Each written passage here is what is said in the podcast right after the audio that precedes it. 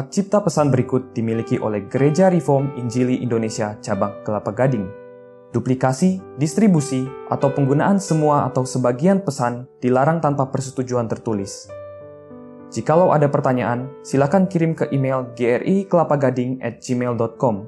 Untuk informasi yang lain, kunjungi website Gereja GRI Kelapa Gading di www.grii-kelapagading.org.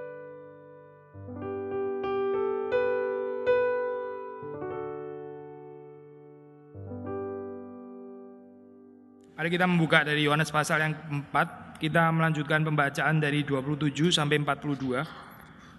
Saya membaca bagian narator. Sudah di atas bisa membaca perkataan langsung dari Tuhan Yesus, lalu perkataan langsung dari yang lain bisa dibaca oleh yang di bawah. Yohanes pasal 4 ayat 27 sampai 42. Pada waktu itu datanglah murid-muridnya dan mereka heran bahwa ia sedang bercakap-cakap dengan seorang perempuan. Tetapi tidak seorang pun yang berkata atau maka perempuan itu meninggalkan tempatnya di situ, lalu pergi ke kota dan berkata kepada orang-orang yang di situ,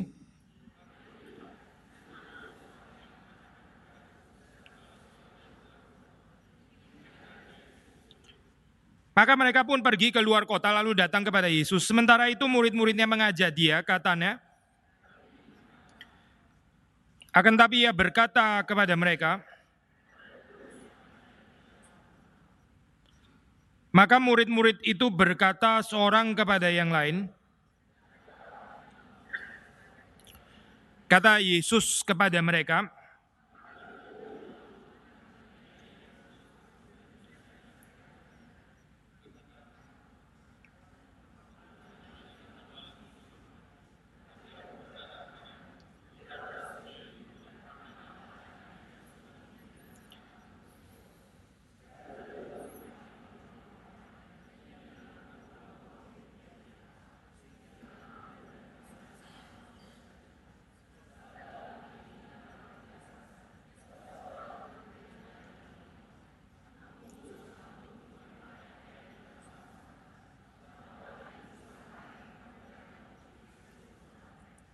Dan banyak orang Samaria dari kota itu telah menjadi percaya kepadanya karena perkataan perempuan itu yang bersaksi.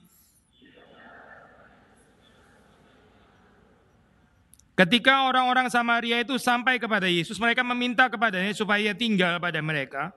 Dan ia pun tinggal di situ dua hari lamanya. Dan lebih banyak lagi orang yang menjadi percaya karena perkataannya dan mereka berkata kepada perempuan itu,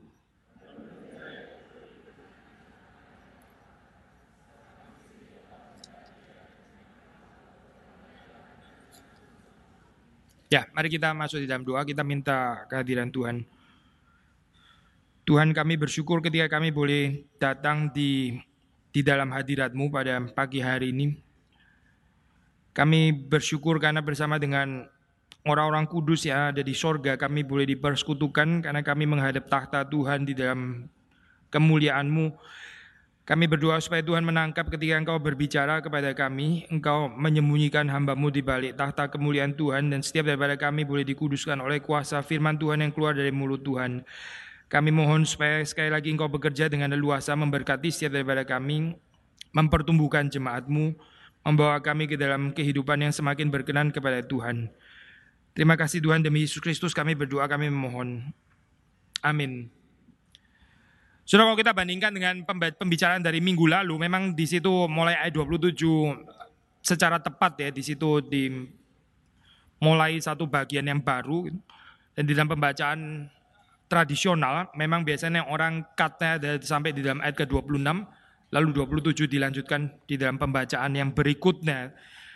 Itu sangat reasonable, saya sangat masuk akal karena kalau kita baca di dalam ayat 26 di situ selesailah pembicaraan antara Yesus dan perempuan Samaria itu. Lalu kemudian mulai ayat ke-27 kita mendapati murid-muridnya ya. Murid-muridnya datang. Datang dari mana?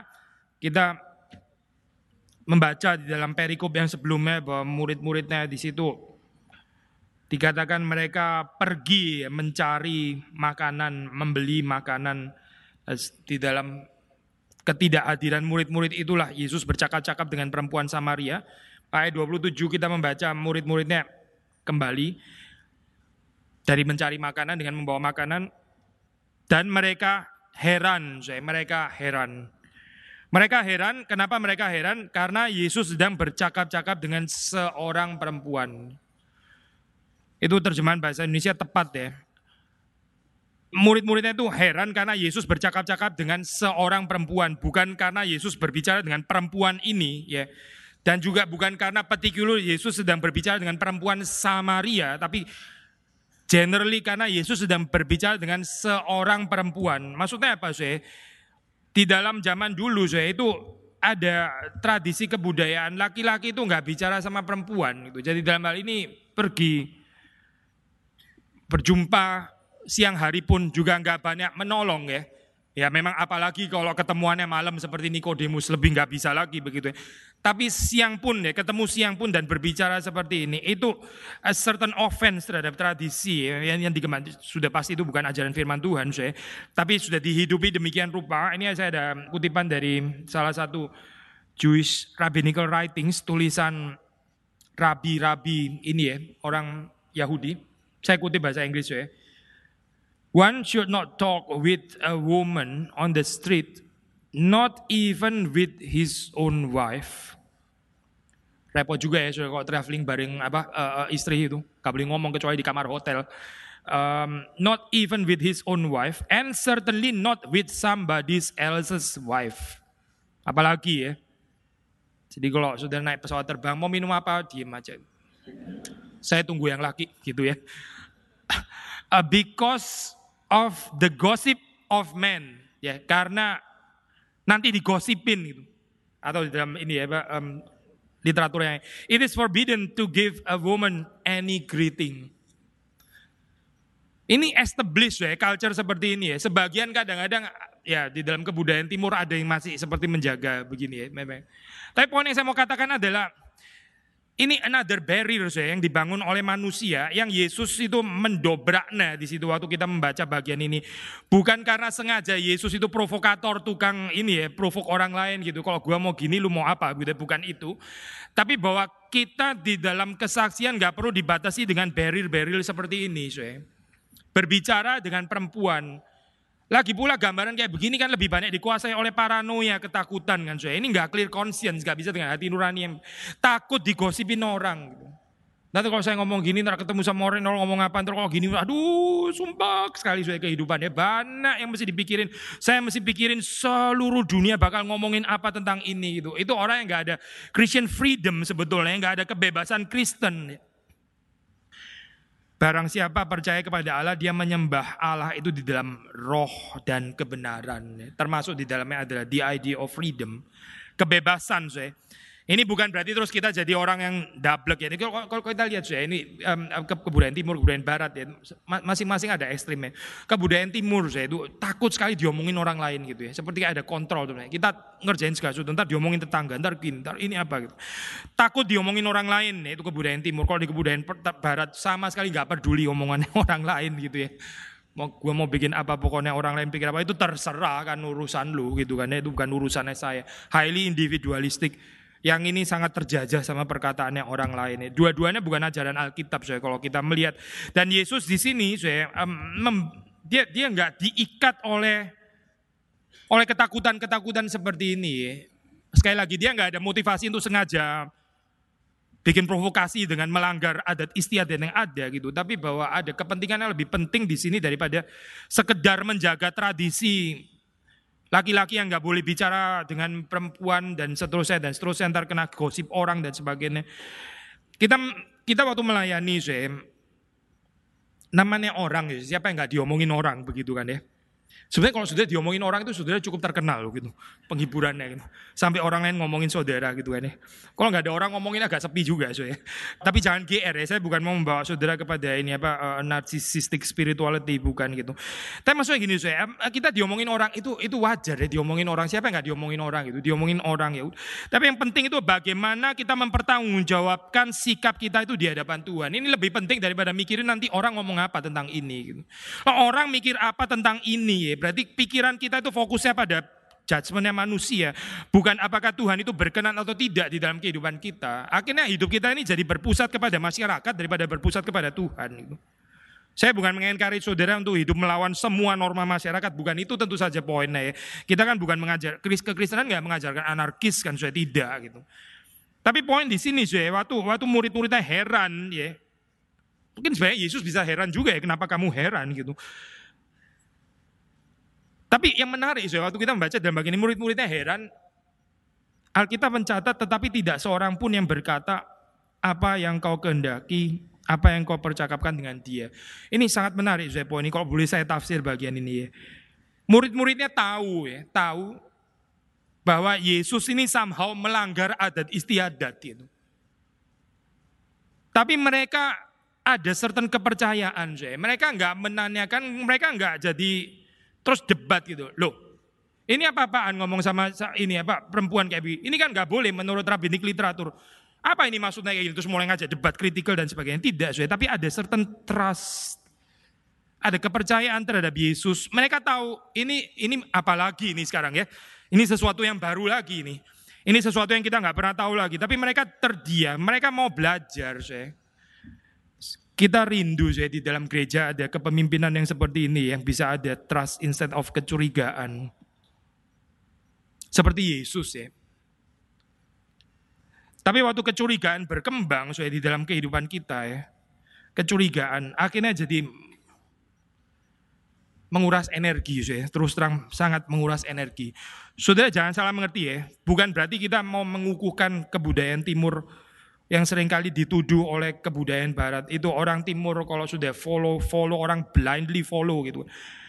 Apa pun juga diikuti sudah nggak bisa memilah-milah lagi yang mana benar yang mana salah dan sebagainya. Nggak ada sifat kritikal sama sekali. Bukan itu saya kita bukan membawa ke sana. Tapi ini ada certain keindahan. Waktu saudara melihat kehidupan dari murid-murid ini yang yang jelas mereka tidak mengerti. Mereka ini heran deh ada terjemahan lain di dalam terjemahan bahasa Inggris ini herannya bukan pakai amaze itu ada atau atau wondering atau apa shock saudara mereka ini shock mereka ini terkejut heran gitu kok bisa sih ngomong sama perempuan begitu ya tapi apa yang mereka lakukan? Mereka mereka nggak banyak bicara. Mereka tahu ini ini ada something is wrong di dalam pikiran kita. Tapi mereka ada certain kepercayaan terhadap Yesus. Mereka mempercayakan dirinya kepada Yesus. Yesus pasti tahu lah ini ya, apa yang dia lakukan karena dia guru kita kok gitu. Memang kita bukan Yesus Yesus ya. Memang kita ini bukan Yesus. Nggak ada orang boleh menempatkan diri seperti Yesus yang nggak boleh ada kritik yang nggak boleh, ada pertanyaan sama sekali. Tapi bukan itu poin yang saya mau tekankan. Yang kita mau tekankan adalah waktu kita dididik di rumah ya sama orang tua kita gitu ya. Waktu kita di sekolah belajar sama siapa itu uh, ada guru yang mengajar di sana gitu. Waktu kita di gereja ada ada pimpinan-pimpinan gereja ya diaken dan sebagainya gitu. Kita waktu bisa mengembangkan ini saya prinsip kepercayaan ya instead of kecurigaan itu banyak masalah nggak perlu ada sebetulnya gitu. Seperti murid-murid di sini kan ya, nggak nggak ada perdebatan dengan Yesus gitu. Mereka belum mengerti, mereka, mereka belum mengerti gitu. Dan mereka akan mencari tahu tentang ketidakmengertian mereka. Ya. Mereka akan belajar dari Yesus Kristus. Seperti kita juga terus akan belajar dari Yesus Kristus. Dalam bagian ini, saya kalau kita membaca nggak ada nggak ada penjelasan ya tentang ini ya. Sampai akhir pun kita nggak baca kan ya, nggak baca secara eksplisit. Nih kenapa Yesus menjelaskan akhirnya kenapa lu bergaul juga dengan perempuan? Gak ada penjelasan kan saya. Mungkin seluruh Alkitab selesai ditulis kali ya, baru semua orang atau atau very late mereka baru mengerti. Kenapa mesti boleh bergaul dengan perempuan juga atau dalam hal ini misalnya orang Samaria, Petrus aja ngertinya telat sekali kan saya. Waktu dia mesti melayani Cornelius itu mesti ada dapat visi tentang penampakan apa itu binatang-binatang haram yang Tuhan suruh makan, dia masih nggak mengerti sampai itu very late kan saya. Tapi Tuhan punya waktunya, Tuhan punya waktunya sendiri untuk menjelaskan. Ini bagian mungkin agak marginal saya. Waktu kita membaca bagian ini mungkin bukan bagian yang paling penting, tapi bukan berarti kita nggak bisa gali. Jadi murid-murid saya ada certain kepercayaan di dalam ketidakmengertian mereka. Kita percaya mereka bukan terus tidak mengerti sampai pada akhir hidup mereka tidak. Akhirnya mereka akan mengerti. Tapi saat mereka belum mengerti ya mereka mereka diam dulu di dalam bagian ini. So, mereka menghargai Yesus. Tapi perempuan itu meninggalkan tempatnya di situ lalu pergi ke kota. Saya sedikit membayangkan saya bagian ini. Ini kan kalau kita baca secara wajar saya itu Kayak Yesus kan waktu murid-muridnya datang ya, murid-muridnya kaget gitu, murid-muridnya kaget gitu kan. Namanya orang kaget mungkin nggak bisa ditutupin juga kali ya ini apa ekspresinya gitu kan. Kaget gitu ya kaget mungkin perempuan itu juga ikut kaget kenapa lu kaget gitu kan ya. Terus ini semua pikir-pikir dalam hati waduh kayaknya ini orang Yahudi memang nggak seneng kalau lihat ada orang Yahudi bicara sama perempuan meskipun orang Yahudi yang satu namanya Yesus ini ini ya memang sangat sangat lain daripada orang Yahudi yang lain. Nah orang Yahudi yang yang nggak mau ngobrol sama perempuan yang gini nih sehari-hari kita sudah biasa ketemu sama orang gini. Dia mungkin ya, mungkin nih perempuan yang tahu diri gitu ya. Mungkin meskipun Alkitab nggak terlalu catat gitu ya. Tahu diri seperti kayak kehadirannya di sana itu nggak nggak comfortable ya untuk untuk untuk murid-murid Yesus ya. Maka dia pergi lah tapi Alkitab yang menarik, saya nggak mau terlalu teganin bagian ini, saya ini bagian yang agak spekulatif gitu ya. Kita mesti tahu porsinya. Yang Alkitab catat, yang ini betul-betul ada di dalam Alkitab adalah perempuan itu meninggalkan tempatnya di situ pergi ke kota dan berkata kepada orang-orang di situ, mari lihat. Dia pergi bukan karena sakit, sakit hati, saya. Mungkinkah bahwa dia di dalam perjumpaan dengan murid-murid jadi sadar, jadi tahu diri kalau sebenarnya kehadirannya itu nggak dikehendaki, persona non grata. Mungkin, mungkin tahu. Tapi itu bagian yang nggak dicatat oleh Yohanes ya. Yang dicatat oleh Yohanes, perempuan ini pergi karena dia mau bersaksi. Ini poin penting sih. Mengingat ini sih, kalau kita bicara pertumbuhan gereja di Indonesia gitu ya. Yang dibilang pertumbuhan gereja itu adalah satu orang kecewa gereja ini pergi ke gereja lain. Maka gereja itu bertumbuh namanya so ya. Menerima kekecewaan dari gereja sebelah gitu. Nanti di sini kecewa lagi dia pergi lagi ke gereja yang lain terus gitu kan. Itu jadi kalau dia pindah terus dia mempertumbuhkan setiap gereja gitu ya. Dengan ada pertumbuhan yang pindah-pindah. Tapi ntar waktu dia tinggal turun lagi juga gereja ini. Kita jarang sekali sih memenangkan orang yang nggak percaya menjadi percaya ini tantangan kita ya. Mari kita bicara tentang pinjilan di sini. Poin saya adalah perempuan ini pergi bukan karena sakit hati, saya bukan gitu. Tapi karena dia mau menjadi blessing, dia menjadi saksi. Saudara boleh pindah gereja ya. Kalau jelas di gereja itu saya akan menjadi greater blessing. Saya akan menjadi saksi yang jauh lebih efektif dipakai oleh Tuhan. Silakan. Saya bukan ngusir by the way ya. Saudara jangan salah ngerti. Tapi kalau saudara pikirannya ini ya, tapi banyak orang nggak kayak gini saya pikirannya. Banyak orang sakit hati sebetulnya waktu dia pindah gereja bukan karena bukan karena pertumbuhan yang lebih pesat, bukan karena mau menginjili lebih baik dan seterusnya dan seterusnya. Perempuan ini perempuan yang mateng saya ini perempuan yang mateng. Dia pergi ke kota, dia meninggalkan tempat itu ya. Bukan karena dia sakit hati terhadap murid-murid Yesus yang kayaknya nggak bisa menerima kehadirannya dia, itu yang kaget itu tadi, itu yang shock. Tapi dia pergi untuk memberitakan Injil kepada orang-orang yang ada di sekitarnya. Mari lihat ya. Sekali lagi ya, bahasanya Yohanes lihat ya. Seeing is believing. Bukan cuma seeing dengan mata ini, saya tapi melihat dengan mata hati. Mari lihat, lihat siapa saya? Lihat Kristus. Di sana ada seorang yang mengatakan kepadaku segala sesuatu yang telah kuperbuat. Mungkinkah dia Kristus itu? Ini padat sekali saya bagian ini ya. Jadi kalau sudah membaca di situ ya, ada certain keraguan-raguan, mungkinkah dia Kristus itu? Ya? Saya baca yang terjemahan bahasa Inggris ya, mungkin lebih menarik gitu, ah, bukan karena menarik nih, tapi ada ada nuansa keraguan-raguan yang mungkin lebih jelas kalau dibandingkan dengan ini ya, Pak. Bahasa Indonesia itu dalam ayat ke-29 saya baca begini saya. Come and see a man who told me everything I have ever done. He cannot be the Messiah, can he? Nah, biasanya perbedaannya sama bahasa Indonesia ya. Bahasa Indonesia kan, mungkinkah dia Kristus itu? Ya mungkin masih possible ya, 50-50 gitu kan. Tapi kalau di sini kecenderungannya, daudnya seperti lebih banyak kan saya. He cannot be the Messiah, can he? Dia ini bukan Mesias, iya kan? Betul kan? Betul kan saya ngomong gitu ya kira-kira. Ya. Dia ini bukan Mesias, iya kan? Benar kan? Bukan Mesias kan? Memang gitu ya kira-kira. Jadi lebih banyak, seperti lebih banyak doubtnya daripada percayaannya. So ya. Yang yang menghibur kita adalah kita tahu ini seluruh cerita akhirnya berakhir dengan happy ending gitu ya. Perempuan ini percaya, bukan cuma percaya, dia menjadi saksi yang sangat powerful dipakai oleh Tuhan. Poin yang saya mau katakan adalah bukan tanpa keraguan-raguan, so ya. Dan gak sedikit itu keraguan-raguan itu ya ada doubt di sini ya. He cannot be the Messiah, can he? Sambil ragu-ragu, sambil mau percaya begitu ya. Kita sudah pernah bahas yang kutipan yang terkenal itu ya, ada dua macam orang ragu-ragu, ragu-ragu percaya atau ragu-ragu nggak percaya gitu. Kalau boleh melanjutkan kutipan ini, ini saya yang lebih penting itu arahnya. Bukan berapa persen kandungan keraguan-raguannya. Saya ambil contoh sederhana saya. Orang ragu-ragu saya. Ragu-ragu 50 persen, percaya 50 persen. Tapi dia arahnya itu mau percaya, arahnya itu mau belajar. Rendah hati. Kayak begini saya, ini jauh lebih promising daripada orang yang percayanya 80%, keraguan-raguan cuma 20%, tapi arahnya menuju kepada ketidakpercayaan. Nangkep ya poinnya? Keraguan-raguannya cuma 20%, tapi dia menuju kepada ketidakpercayaan. Kecurig, dia menuju kepada disbelief, kecurigaan, bukan menuju kepada kepercayaan. Kita manusia banyak ragu-ragunya, dan Tuhan itu sabar sekali, saya mengakomodasi keraguan-raguan kita. Puji Tuhan ya.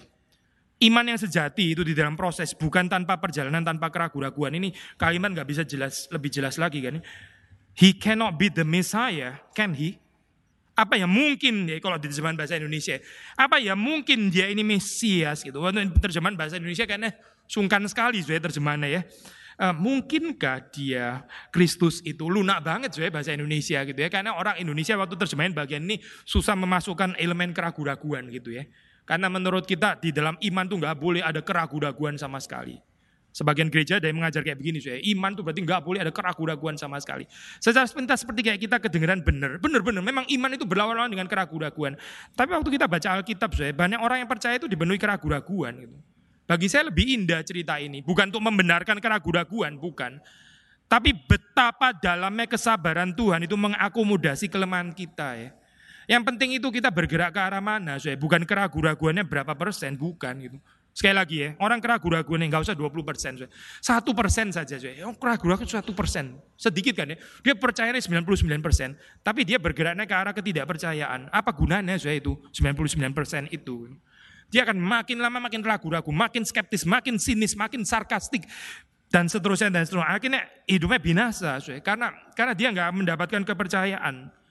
Perempuan ini boleh ragu-ragu, dia ada keraguan-raguan di dalam dirinya, saya. tapi di dalam keraguan-raguan tetap memberitakan kepada orang lain.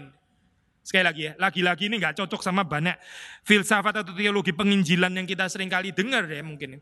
Orang sering kali bilang, kalau kita sendiri nggak pasti, lu jangan ngajar orang lain, begitu kan ya. Kita itu secara nggak sadar banyak paham perfeksionisme terselubung. Saya. Kalau hidupmu sendiri belum benar, lu jangan melayani Tuhan. Begitu misalnya, orang diri sendiri nggak benar mau melayani Tuhan itu. Pertanyaannya kapan kita bakal benar? Saya benar 100% di surga, berarti di surga baru kita bisa melayani gitu kan. Atau kalau diterapkan dalam penginjilan, kalau enggak kamu belum betul, betul, betul, betul, betul, betul, betul, betul, yakin gitu kan ya. Betul enggak tahu berapa kali itu tadi 16 kali kali ya. Betul, betul, betul, betul, betul yakin gitu kan bahwa Yesus itu adalah begini, begini, begini. Maka kamu jangan pernah penginjilan gitu kan ya. Eh, saudara baca cerita ini.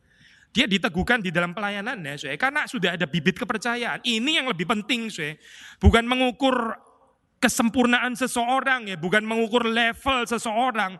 Ini berapa berapa yakin begitu ya keraguan-raguannya cuma tinggal berapa. Itu itu nggak terlalu isu jadi dalam bagian ini ya.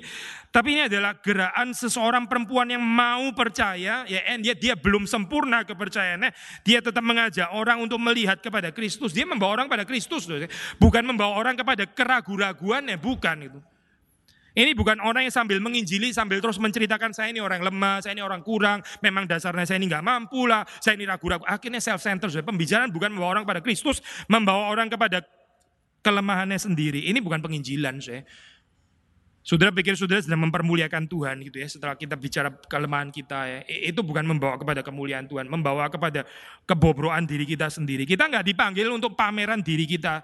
Whether itu pameran kehebatan kita atau pameran kebobroan kita, itu dua-dua bukan Kristus. Ya. Kristus itu bukan kehebatan kita, tapi juga bukan kebobroan kita. Yesus nggak tentu dipermuliakan dengan kita cerita kebobroan, kekurangan, kelemahan kita. Itu bisa jadi tanda orang yang sangat berpusat kepada diri sendiri. Suka membicarakan kelemahannya, yang satu bicara kelemahan, yang satu bicara kehebatannya, dan seterusnya, dan seterusnya. Tapi kalau kita boleh teruskan, saya apa yang membuat dia percaya? Ini menarik ya, di dalam ayat ini 29, saudara membaca, di sana ada seorang yang mengatakan kepadaku segala sesuatu yang telah aku berbuat. Dia percaya, saya karena karena dirinya itu terekspos di bawah terang firman Tuhan. Kan Yesus bilang ya, betul ya, kamu sudah lima suami dan sekarang ada padamu, itu bukan suamimu. Dia percaya karena ini loh saya, dia percaya karena dirinya itu. ditelanjangi, dibongkar, terekspos ya. Di bawah terang firman Tuhan. Inilah saya orang yang betul-betul diberkati. Gak otomatis ya, respons kayak begini gak otomatis. Ada orang yang terekspos ya di, di bawah terang firman Tuhan. Dia tersinggung. Saya. Dia marah. Di dalam Alkitab pun juga ada orang seperti ini. Kelompok orang-orang Farisi itu ya. The self-righteous. Orang-orang Farisi, ahli Taurat dan sebagainya mereka bukan gak diterangi kan, mereka ada terang juga karena firman Tuhan tuh nggak nggak pandang nggak pandang bulu dia akan datang sebagai terang menelanjangi semua kegelapan. Whether yang perempuan Samaria atau penguasa-penguasa di tempel itu eh, pemimpin-pemimpin agama semuanya saya nggak ada yang terkecuali. Semuanya itu diekspos di dalam terang firman Tuhan. Tapi ada dua macam respons ya di sini. Ada yang satu percaya malah bersyukur bersyukur ya ini ada yang tahu segala sesuatu yang telah ku perbuat dia bukan marah saya dia datang kepada Tuhan. Dia malah jadi mau percaya karena karena dia dibawa kepada pengenalan akan dirinya sendiri. Berbahagia saya kalau kita seperti perempuan Samaria ini ya, unless siapa? Orang-orang Farisi dan sebagainya yang terus mengeraskan hati setelah Yesus juga menyatakan kepada mereka apa yang telah mereka perbuat. Sama kan ya? Yesus juga bicara kepada orang-orang Farisi itu apa yang telah mereka perbuat. Yesus pernah bicara. Kamu kasih persembahan ya, perpuluhan itu memenuhi ke, kewajiban-kewajiban gereja. Kamu sendiri menelantarkan keluargamu. Tapi kamu bilang nggak ada lagi ya, ini tanggung jawab untuk keluarga. Semuanya saya sudah persembahkan kepada Tuhan. Semuanya sudah untuk tempel, sudah untuk bait Allah. Rasionalisasi lagi ya. Nggak ada lagi untuk waktu untuk keluarga gitu. Gak kenapa? Karena saya sibuk pelayanan di dalam gereja Tuhan. Sudah berdosa rasionalisasi lagi. Itu Yesus membawa mereka kepada pengenalan diri sendiri juga kan ya. Tapi apakah mereka terus kemudian jadi percaya kepada Yesus, bersyukur karena mereka terekspos? Tidak. Mereka bukan bukan jadi percaya, saya. mereka bukan saja tidak bertobat, maka mereka dipenuhi dengan kebencian lebih dalam lagi, ya. sakit hati yang lebih dalam, sampai akhirnya membawa kepada persengkongkolan mau membunuh Kristus. Apa sih sudah salahnya Kristus? Membawa mereka kepada pengenalan diri sendiri, yaitu salahnya Kristus. Membawa manusia kepada pengenalan akan diri sendiri. Tapi perempuan ini menarik waktu kita baca sekali lagi ya, di sana ada seorang yang mengatakan kepadaku segala sesuatu yang telah ku perbuat. Ada pengharapan saya di sini.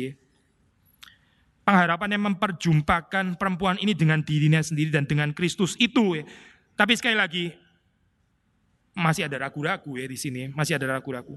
Lalu kita membaca di sini kamera dialihkan saya kepada siapa? Kepada murid-murid ya. Murid-murid mulai ayat 31 maksudnya. Murid-muridnya mengajak Yesus makan, Rabi makanlah. Memang makan sudah datang kan. Sudah dicari susah-susah sekarang ya tinggal waktunya makan. Tapi kemudian Yesus menjawab, padaku ada makanan yang tidak kamu kenal. Kita tahu saya sekali lagi ya, ini very Johanin, Yesus menunjuk kepada spiritual realm ya. Ini Yesus mau mengajar mereka tentang dunia yang tidak kelihatan, bukan dunia yang kelihatan. Tapi murid-murid pun juga tidak mengerti. Adakah orang yang telah membawa sesuatu kepadanya untuk dimakan? Gak jauh beda so ya. Mau perempuan Samaria kayak, mau Nikodemus, bahkan murid-murid Yesus sendiri juga nggak mengerti perkara rohani. Mereka yang dilihat cuma hal yang kelihatan, bukan hal yang tidak kelihatan. Yesus bicara tentang makanan rohani, murid-murid pikir tentang makanan jasmani. Apa ada orang yang telah membawa sesuatu kepadanya untuk dimakan? Sampai Yesus mesti mengatakan lagi kepada mereka, makananku ialah melakukan kehendak dia yang mengutus aku dan menyelesaikan pekerjaannya. Makanan rohani, so. Ada komentar yang mengatakan ini sebetulnya antara ini ya, Pak, saling melengkapi ya di dalam cerita ini. Maksudnya perikop yang kita bahas minggu lalu dengan perikop hari ini. Perikop minggu lalu bicara tentang drink living water ya, minuman ya. Sekarang bicara tentang makanan, ini bicara tentang food, ada drink, ada food, saling melengkapi. Tapi juga saling melengkapi dalam pengertian ini ya, karena ada beda waktu Yesus bicara tentang air hidup living water. Itu Yesus di dalam posisi yang memberikan ya, kepada perempuan Samaria ini. Itu spiritual need-nya perempuan Samaria ini kan ya. Dan Yesus memberikan spiritual need ini karena dia perlu kebutuhan rohani kepada perempuan Samaria. Di sini saya bedanya, waktu bicara tentang makanan, ini bukan makanan yang akan diberikan Yesus kepada murid, tapi makanan yang olehnya Yesus sendiri hidup. Sekali lagi saya, Kalau bicara tentang living water, ini living water yang Yesus akan berikan kepada perempuan ini. This is your spiritual need gitu kan. Waktu bicara tentang melakukan kehendak Allah, ini Yesus yang mengatakan, saya sendiri hidup dari ini. Inilah makananku. Memang betul juga waktu dia makanan ini juga nanti akan diberikan kepada murid-muridnya, yaitu apa? Supaya murid-murid belajar untuk melakukan kehendak Bapa juga kan sama. Tapi yang mau dikatakan di sini adalah sebelum Yesus memberikan kepada orang sebelum ini, Yesus sendiri sudah makan makanan itu. Gitu. Itu adalah makanan makanan dia sendiri. Apa sih yang kita bisa belajar daripada poin ini? Kita nggak bisa jadi saksi Tuhan ya, meyakinkan orang tentang spiritual needs mereka, sementara kita sendiri nggak punya appetite tentang spiritual needs. Lalu kita bilang ini loh kamu itu perlu kebutuhan rohani, perlu kebutuhan rohani. Orang itu hidup bukan cuma dari roti saja, tapi dari firman juga begitu ya. Kita meyakinkan orang seperti memperkenalkan Injil kita sendiri nggak punya appetite tentang spiritual need.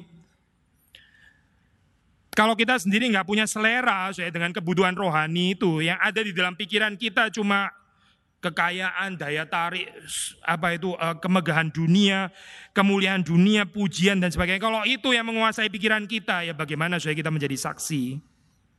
Ini poin penting, saya. Poin sangat penting. Yesus itu Tuhan ya. Yesus itu Tuhan, tapi dia juga manusia kan. Ilahi sepenuhnya, manusia sepenuhnya. Lalu kita melihat dalam bagian ini ya, Yesus mengatakan, ini loh, saya juga punya makanan. Makanan yang memang memang gak kamu kenal. Yesus sendiri perlu makan, bukan cuma perlu makan secara fisik, tapi makan secara rohani, spiritual eating. Spiritual eating ya, ada spiritual appetite ini di dalam diri Yesus. Makanya kesaksiannya sangat powerful. Saudara jangan bilang, ya dia Tuhan. Nah, itu saya bosan saya kalimat itu ya, bola balik kami. Ya dia Tuhan, nah, dia Tuhan, nah, dia. Maksudnya dia Tuhan, dia Tuhan. Jadi kita nggak usah belajar gitu ya. Karena dia Tuhan itu. Ya dia Tuhan, nah, kita kan bukan. Kita orang berdosa, kita ya, dia Tuhan, dia Tuhan. Saya ngomong kalimat kayak gini, saya ini penolakan demi penolakan kita nggak usah ikut Yesus kalau gitu. Karena dia Tuhan kok gitu.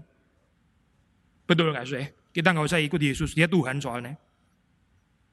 Maksudnya apa saya? Nggak bisa diikuti itu Yesus itu karena dia Tuhan soalnya. Ini kan menyesatkan saya kalimat kayak begini sangat menyesatkan. Justru yang dicatat di dalam Injil itu Yesus inkarnasi. Yohanes bilang Yesus itu menjadi daging ya, supaya kita bisa belajar, supaya kita bisa ikut Dia, supaya kita nggak ada excuse, kita nggak bisa bilang dia Tuhan soalnya. Justru dia menjadi daging, saya dia menjadi daging sama seperti kita dan it's possible untuk orang yang hidup di dalam tubuh ya untuk mengalami seperti ini. Yesus itu mungkin. Kalau saudara membaca sebetulnya Injil ya, itu apa sih cerita di dalam kehidupan Yesus ya? Ini sebetulnya mengantisipasi ya, ini model ya, ini seperti teladan yang prototype gitu ya. Nanti yang akan terjadi di dalam kehidupan jemaat mula-mula. Mission to Samaria, kita tahu ya waktu kita baca kisah para rasul dan itu memang akan pergi ke sana kan ya. Tapi sebelumnya Yesus pergi ke Samaria terlebih dahulu. Ini daerah orang-orang yang dianggap apa ya low class second class yang yang yang yang, yang dianggap apa kita nggak seharusnya bergaul dengan mereka gitu. kita di dalam zaman kita sekarang saya our contemporary context kita juga punya semacam orang-orang Samaria kita gitu orang yang kita nggak comfortable saya bergaul dengan mereka orang yang mungkin kita anggap kayaknya nggak kelas deh kalau saya ngomong sama dia atau bergaul sama dia itu bukan orang yang selevel dengan saya gitu misalnya kan. Selalu ada saya orang-orang seperti itu saya. Tapi penginjilan kalau kita bicara tentang penginjilan kita diberkati Tuhan waktu kita bisa mendobrak sekali lagi ya barrier-barrier itu yang dibangun. Whether itu barrier ini ya terhadap Samaria, Yahudi sama atau laki-laki perempuan misalnya atau mungkin usia atau mungkin tingkat pendidikan atau mungkin status sosial atau atau mungkin status fina, keadaan finansial dan seterusnya dan seterusnya. Semuanya itu barrier itu di, di, diselesaikan oleh Yesus Kristus. Dan sekali lagi saya, Yesus mengajak murid-muridnya untuk menyadari ini ya, kepentingan sebelum kita melayani orang lain ya, kita sendiri dikuasai oleh spiritual appetite, ada makanan yang tidak kamu kenal. Ini bicara tentang spiritual food. Makananku ia melakukan kehendak dia yang mengutus aku dan menyelesaikan pekerjaannya. Lalu setelah bicara tentang ini, Yesus move ke pembicaraan tentang metafor tuayan, saya. Tentang menuai. Lagi-lagi dia bicara tentang spiritual realm ya, waktu dia bilang lihatlah sekelilingmu, pandanglah ladang-ladang yang sudah menguning dan matang untuk dituai. Saya ini bahasa Indonesia ini ya saya Pak ada ada ada um, perbedaan ya.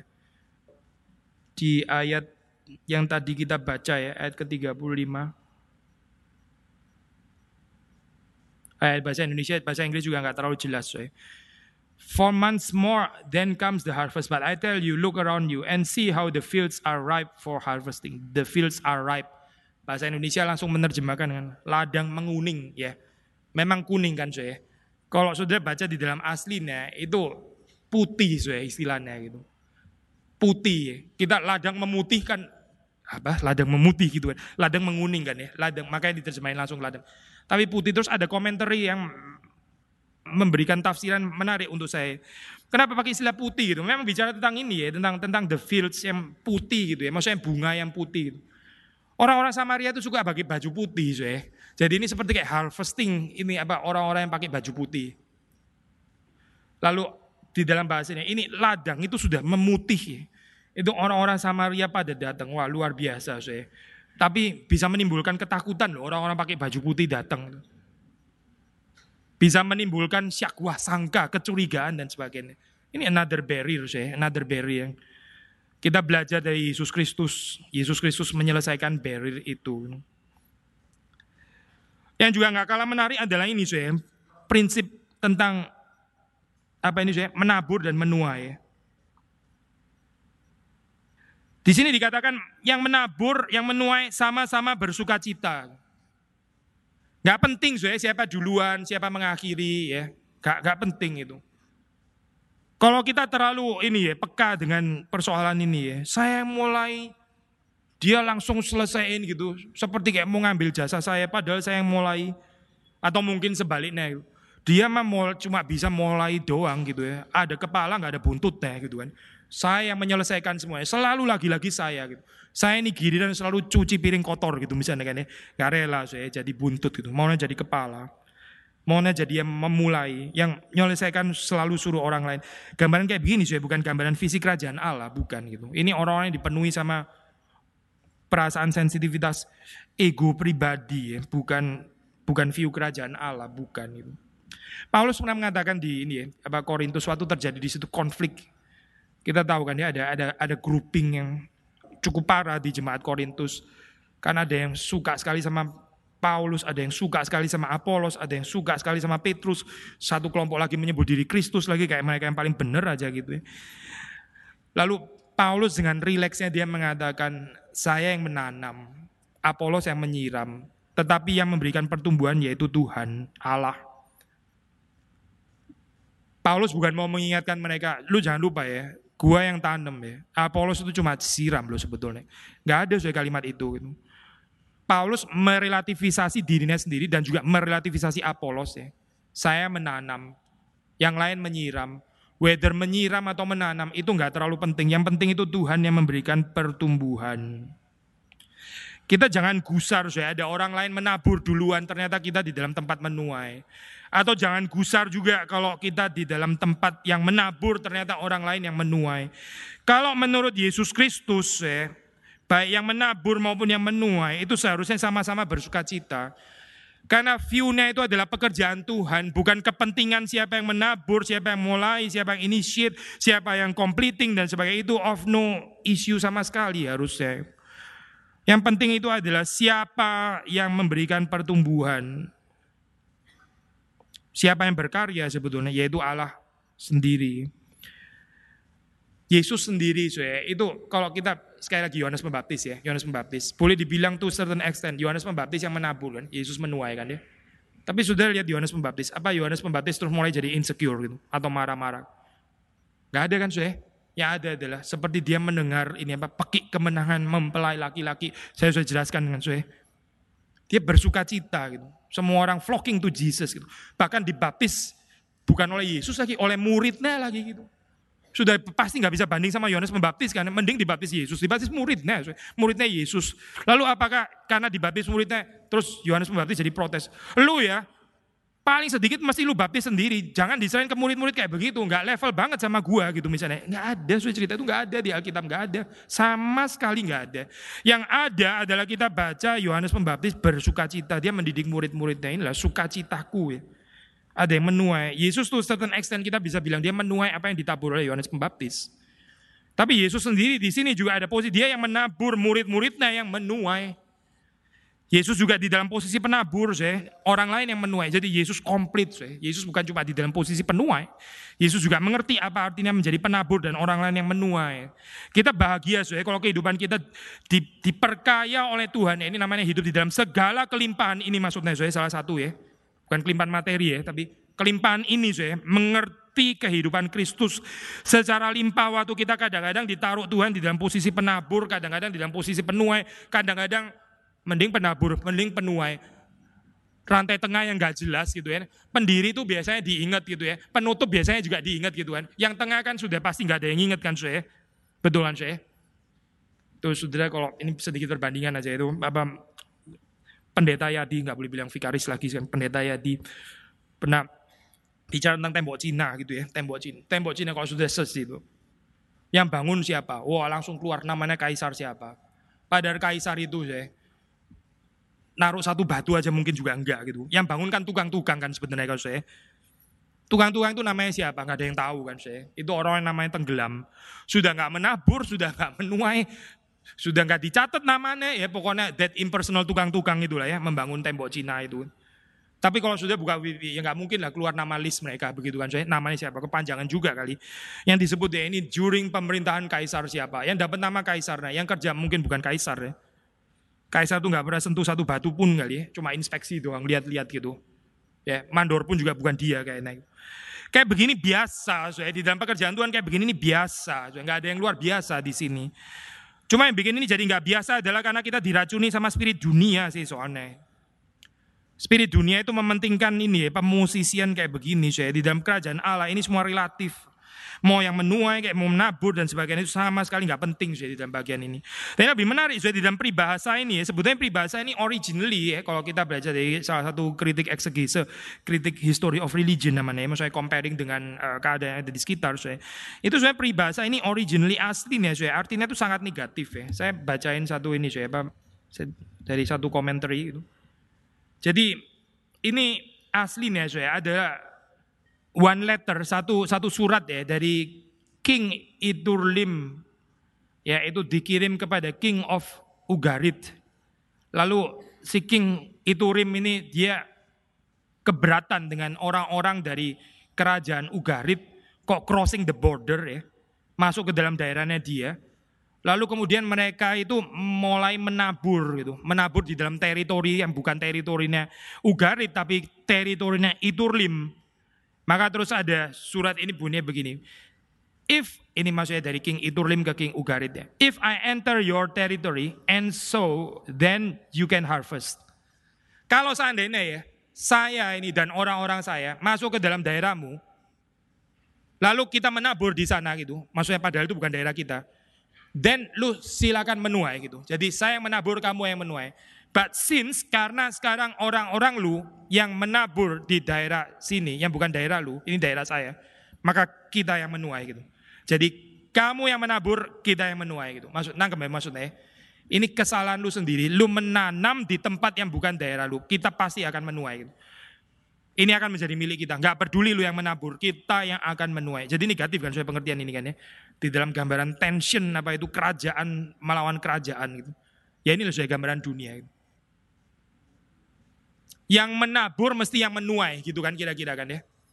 Kalau saya memulai, saya mesti dapat kredit dari awal sampai akhir. Semua kredit harus ada pada saya. Ini gereja reform saya, gereja nggak bicara kredit manusia. Ini bicara kemuliaan Tuhan. Kemuliaan Tuhan itu nggak bicara tentang jasanya manusia. Kita nggak nggak ada filosofi of ministry yang menyediakan manusia itu dipermuliakan, dijunjung-junjung tinggi dan sebagainya. Nggak ada tempat untuk itu saya. Nggak ada. Ini bukan gereja itu bukan. Karena apa saya? Ya karena kita mengikuti Yesus. Yesus mengajarkan demikian. Sama Yesus dibalik ya, sengaja dan pribahasa ini jadi provokatif sekarang di sini kan. Maksudnya waktu dikatakan dalam gambaran ini ya, gambaran dua raja ini tadi, berarti peribahasannya itu mau mengatakan sebetulnya siapa yang menabur dia yang berhak menuai gitu. Gitu kan kira-kira ya. Tapi di sini Yesus bilang, siapa yang menabur yang lain menuai itu nggak ada persoalan. Ya ini kingdom of God gitu. Ini bukan kingdom of man. Kingdom of man itu semua ingat jasa masing-masing. Ini kingdom of God, bukan kingdom of man. Jadi jangan taruh jasa manusia di dalamnya, karena nggak ada tempatnya di situ. Barang siapa menabur, yang lain mungkin yang menuai. Kita juga bisa menuai yang ditabur oleh orang lain. Itu namanya orang yang hatinya luas. Orang yang hatinya luas, gereja yang hatinya luas, itu diberkati Tuhan. Gereja yang hatinya sempit, ya. hatinya sempit. Gitu. Terus bicara tentang diri sendiri, gak, gak bisa diberkati Tuhan. Gak diberkati Tuhan pasti. Gitu. Kenapa? Karena, karena salurannya juga sempit. Gitu.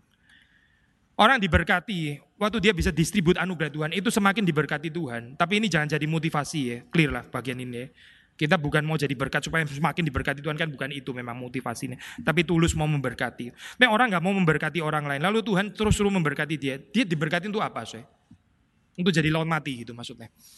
Supaya dia makin jadi makin lama makin crystallize, makin crystallize ya itu seperti laut mati gitu. Karena nggak ada saluran keluar gitu. Lalu Tuhan terus suruh memberkati dia. Tuhan semakin memberkati dia. Itu bukan memberkati, kutuk itu namanya saya. Laut mati itu daerah terkutuk, nggak ada kehidupan di sana. Orang kalau nggak bisa jadi berkat, saya, lalu Tuhan terus memberkati. Itu namanya bukan memberkati, itu namanya Tuhan sedang mengutuk orang itu sebetulnya, menakutkan saya gambaran kayak begini. Tapi kita sekali lagi ya, kita bukan mau menyalurkan berkat supaya kita nggak dikutuk lagi-lagi, nggak bersih lagi motivasinya. Itu kan driven by fear namanya. Kita karena ketakutan lalu kita memberkati orang yang tidak. Tapi memang harusnya begini. Karena kita ini kan cuma channel, cuma saluran. Saluran itu nggak penting, so. yang penting itu air yang membersihkan. Salurannya nggak pernah penting sebetulnya. Aku mengutus kamu untuk menuai apa yang tidak kamu usahakan. Orang-orang lain berusaha dan kamu datang memetik hasil usaha mereka. Ini prophetic view Yesus ya bahwa murid-muridnya nanti akan bergerak ke Samaria. Sekarang sih belum saya. Di dalam bagian ini belum gitu. Tapi nanti kita tahu ya. Ada orang-orang yang menginjili daerah Samaria bahkan sampai ke ujung dunia, ke ujung bumi. Tapi Yesus di sini sudah menabur terlebih dahulu. Nanti kamu akan menuai, menuai apa yang tidak kamu usahakan. Sola Grazia, ya, ada ada yang memulai, ada yang mengakhiri. Sola Grazia, semua kemuliaan kembali kepada Tuhan. Lalu bagian terakhir, saya ayat 39 sampai 42 ya kita membaca di situ orang Samaria dari kota itu menjadi percaya kepadanya karena perkataan perempuan itu sudah perhati sekali lagi ya perempuan yang ada ragu-ragu dia tadi bisa membawa orang percaya loh. Kenapa sih? Karena dia membawa orang kepada Kristus bukan membawa orang kepada keraguan-raguannya bukan. Dia bukan membawa orang kepada skeptisisme, ya, bukan gitu. Tapi dia membawa orang kepada Kristus sembari dia sendiri belajar ya untuk diyakinkan juga di dalam kesaksian. Saya pernah dengar satu kesaksian satu orang saya jemaat kita ini menarik untuk saya gitu ya. Yang mungkin kalau saudara ini ya orang reform yang ketat sekali bisa nggak setuju. Gitu. Dia, dia bilang saya menginjili, saya menginjili, semakin saya menginjili, saya sendiri semakin yakin bahwa Tuhan itu betul-betul Yesus itu betul-betul Tuhan dan Juru Selamat. Sudah dengar kalimat ini, bahaya ya orang ini ya. Berarti dia sendiri masih ragu-ragu, berani-beraninya menginjili lagi ya, begitu kan. Nanti dulu, nanti dulu, kayaknya mesti ikut pembinaan penginjilan terlebih dahulu begitu kan ya. Orang ragu-ragu itu tidak seharusnya menginjili dan seterusnya. Dan seterusnya. Orang yang 100% kalau perlu 200% yakin baru bisa dia menginjili gitu. Tapi sekali lagi waktu kita baca Alkitab ya, nggak nggak nggak seperfect itu ya. Jangan-jangan perfect kita yang nggak perfect sebetulnya. Ini yang perfect itu. Perempuan ini nggak seperti belum belum completed gitu ya. Dia punya faith itu masih masih masih terbatas itu. Tapi di dalam ketulusannya, saya di dalam kerinduannya untuk memperkenalkan orang kepada Kristus ya di dalam kekagumannya yang yang polos itu juga dipakai diberkati Tuhan untuk membawa orang kepada Kristus. Ya. Banyak orang percaya karena perempuan ia mengatakan kepadaku segala sesuatu yang telah aku perbuat. Dia nggak malu. Saya. Ini ada orang yang bisa tahu dosa-dosa saya. Ada orang yang bisa tahu kelemahan saya gitu. Datanglah kepada dia gitu. Soal dia mau mengatakan dia juga akan membawa engkau untuk mengenal dirimu sendiri dan juga mengenal Kristus itu, mengenal Tuhan, mengenal juru selamat. Lalu orang Samaria itu waktu sampai kepada Yesus mereka minta kepadanya supaya ia tinggal, tinggal, tinggal. Kata kunci saya di dalam Yohanes ya, tinggal. tinggal. Ini kan seperti tabernakel, tiang awan, tiang api tinggal berkemah di antara mereka. Yesus bukan cuma Immanuel cuma untuk orang Yahudi. Yesus juga Immanuel untuk orang-orang baju putih itu tadi, saya. Juga Immanuel untuk mereka. Yesus itu Immanuel untuk orang Samaria. Bukan cuma untuk kelompok Yahudi. Yesus juga adalah Allah yang beserta. Beserta siapa? Beserta orang-orang Samaria. Yesus tinggal tinggal pada mereka. Tabernakel saya, Immanuel, Allah yang berinkarnasi.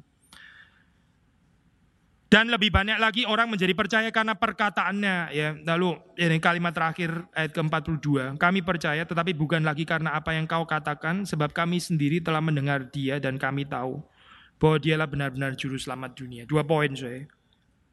Yang pertama yaitu poin klasik ini. Mereka percaya tadinya melalui kesaksian orang lain. Seperti kita mengenal Yesus Kristus juga akan melalui pengajaran orang lain. Wajar kayak begitu sih. Karena itu Alkitab juga mengatakan kita jangan lupa orang yang pernah mendidik kita membawa kita mengenal Tuhan. Tapi kalau kita melihat di sini ada penekanan juga ya, akhirnya mereka mengenal Yesus dari first hand experience, bukan bukan second source. Tadinya second source, nothing wrong with second source, even perhaps third source. Gak apa-apa juga sih ya, kutipan-kutipan dan sebagainya, kata orang, kata orang, kata orang. Tapi seperti Ayub mengatakan, bukan dari kata orang, saya melihat engkau dengan mataku sendiri. Ada first hand experience di sini. Ini pertumbuhan iman namanya, bukan kata orang. Kata orang, kata orang, nanti suatu saat orang itu yang berkata kepada kita berubah, kita kecewa lagi. Kalau kita first hand experience, kita nggak gampang kecewa sama manusia. Karena kita ada first hand experience dengan Tuhan sendiri. Orang nggak harus harusnya kecewa kepada Tuhan. Orang kecewa kepada manusia itu banyak, saya. Maka kita yang sering kali kecewa kepada manusia, ya. Mari kita belajar bertumbuh, saya. Bertumbuh apa? Bertumbuh minta Tuhan first hand experience, ya. Bukan dari perkataanmu lagi. Gitu. Tapi kami sendiri telah mendengar dia dan kami tahu bahwa dialah benar-benar juru selamat dunia, juru selamat soter, savior. Kita orang Injili akrab ya sama title ini ya, Yesus juru selamat itu. Yesus juru selamat dunia. Ternyata bukan keluar dari mulutnya Petrus, bukan dari Yohanes, bukan dari Yohanes Pembaptis, bukan dari Paulus ya, tapi ini sih dari mulut Orang-orang sama dia nggak nggak jelas ini siapa sih mereka sebetulnya gitu kan ya. Kelompoknya sama sekali nggak penting. Bisa mengeluarkan kalimat juru selamat dunia, soter. Istilah juru selamat saya pada saat itu itu highly polemik saya karena di dalam konteks early church kaisar itu memperkenalkan dirinya sebagai soter. Saya juru selamat. Lalu orang Kristen bilang, bukan. Yesus itu juru selamat, dipenggal saya. Makanya mereka banyak menderita dianiaya, mati martir. Karena ucapan juru selamat itu saya, itu offense sama Caesar cult. Sama seperti ini ya, waktu Yesus disebut sebagai Kyrios, Kyrie sebagai Tuhan ya. Itu karena karena kaisar mengumumkan diri sebagai Kyrios, saya Kyrios. Semua orang menyembah saya, Caesar cult. Tapi orang Kristen bilang bukan, Yesus itu Tuhan. Sekarang saya kita penginjilan, nggak ada penganiayaan ya. Kenapa nggak ada? Saya bukan berarti kita mau mengejar penganiayaan, bukan itu poinnya. Tapi kita nggak dapat istilah yang polemik sehingga penginjilan kita itu nggak menggigit. Saya ambil contoh ya, termasuk bahkan istilah ini ya, juru selamat. Kita memperkenalkan Yesus itu juru selamat. Sekarang nggak ada orang mengaku siapa dia juru selamat, nggak ada kan? Jadi saudara bentur sama siapa waktu bilang Yesus juru selamat? Nggak ada bentur sama siapa-siapa. Nah, baik. Penginjilan kayak begini, saya jauh ya sama penginjilan di Alkitab. Penginjilan di Alkitab tawarannya kepala, saya. Dan mereka pakai istilah yang pada saat itu so established. Lalu mereka memberikan kesaksian yang taruhannya adalah kepala gitu. Bukan, bukan itu juru sama. Itu palsu.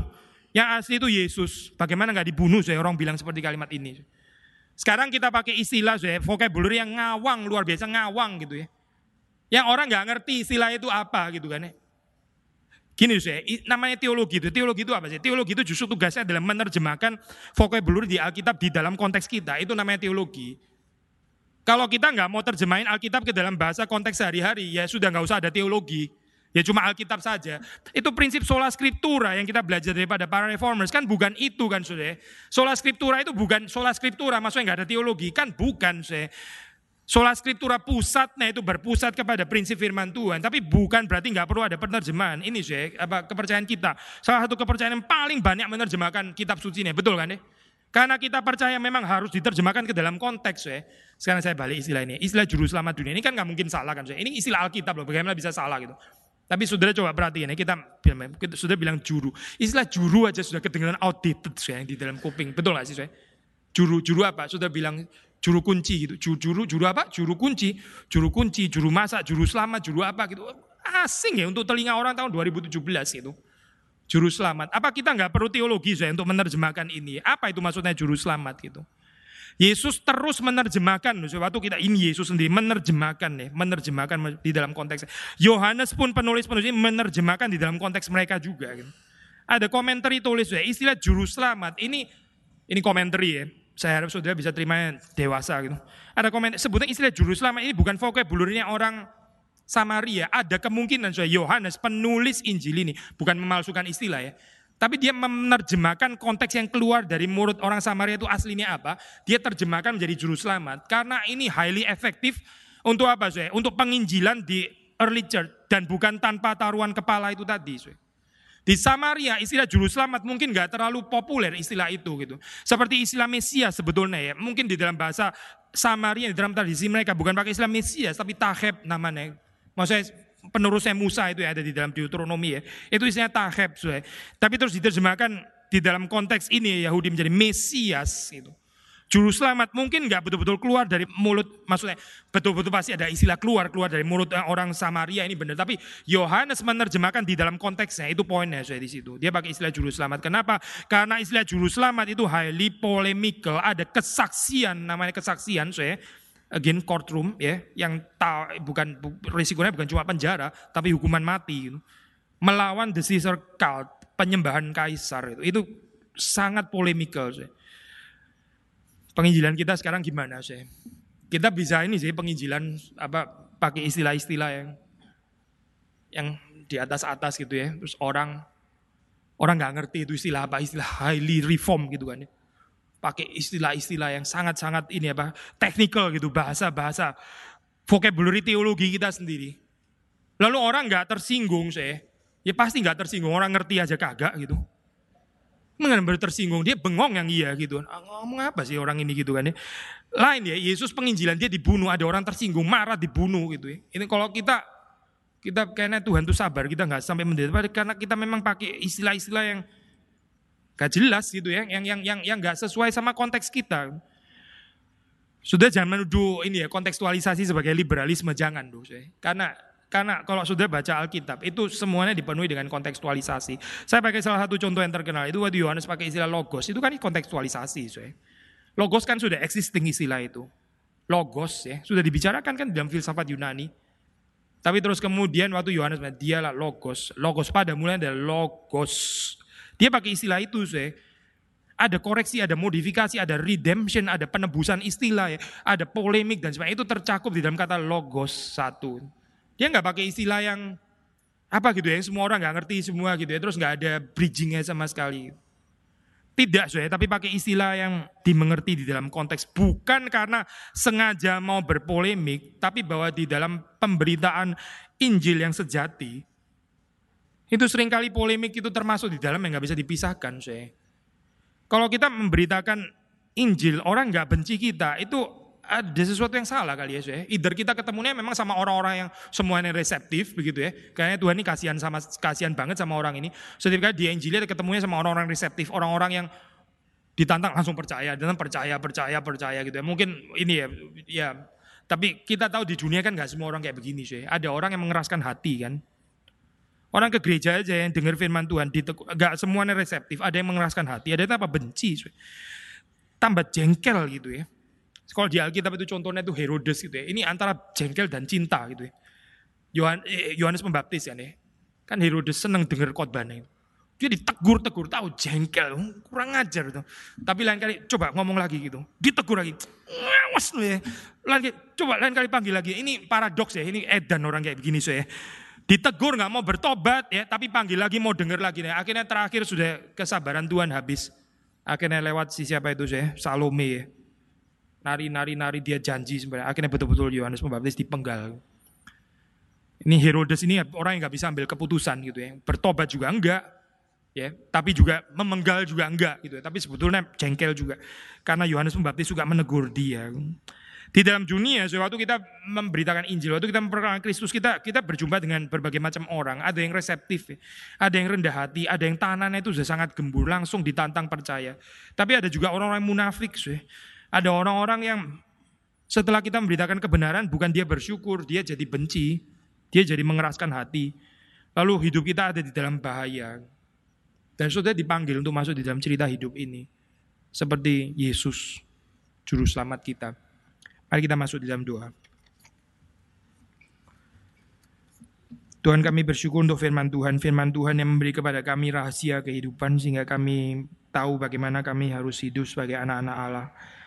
Kami berdoa supaya Tuhan mempertumbuhkan jemaat, mempertumbuhkan kami semua menjadi orang-orang yang dewasa dan Tuhan juga berkenan untuk mempercayakan lebih banyak lagi orang-orang yang bisa kami menangkan untuk Tuhan.